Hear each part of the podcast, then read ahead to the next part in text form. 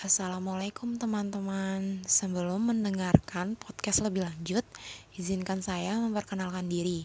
Nama saya Bunga Lestari, mahasiswi pendidikan bisnis Fakultas Ekonomi Universitas Negeri Jakarta.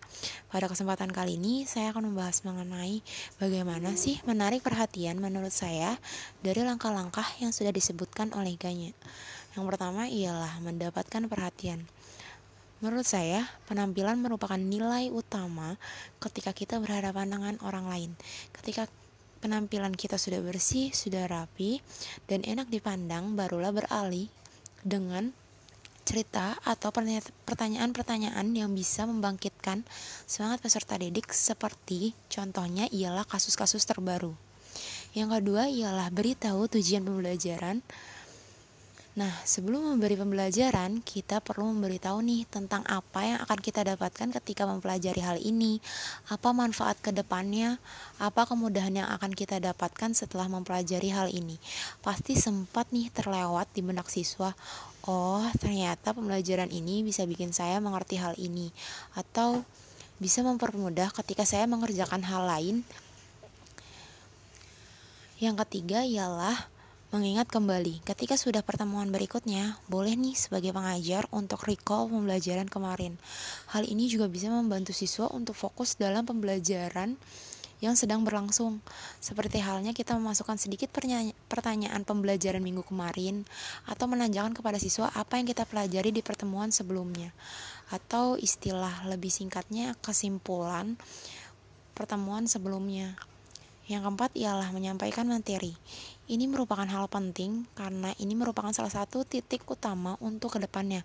Ketika menyampaikan materi perlu media kreatif untuk menarik minat siswa, seperti presentasi yang tidak monoton, terselipkan video-video durasi pendek atau film yang berhubungan dengan pembelajaran. Atau bisa juga nih menggunakan media pembelajaran kuisis untuk menjawab saat pembelajaran bersama-sama dari si pendidik dengan si pembelajar. Yang kedua, yang selanjutnya ialah memberikan panduan ketika mempelajari suatu hal tentu dibarengi dengan contoh agar, sis agar siswa nih bisa lebih memahami dalam pembelajaran seperti visualisasi kasus-kasus yang berhubungan atau bermain peran. Lalu selanjutnya ialah mendapatkan performa, seperti memberikan pertanyaan-pertanyaan untuk menggali pemikiran, kritis atau memberikan referensi terhadap yang dipelajari untuk digabungkan dengan kasus yang lebih real di kehidupan. Yang ketujuh adalah memberikan umpan balik seperti pujian atau appreciation. Berbicara tentang sebuah pujian, siapa sih yang tidak mau pemikirannya atau hasil kerjanya dipuji oleh orang lain? Pujian itu bisa membangkitkan semangat loh.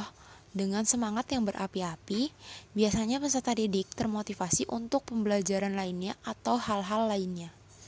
Yang kedelapan ialah menilai performa seperti adanya pretest atau ujian untuk mengetahui seberapa pemahaman peserta didik di dalam suatu pembelajaran atau memberikan sebuah pertanyaan di tengah materi berlangsung.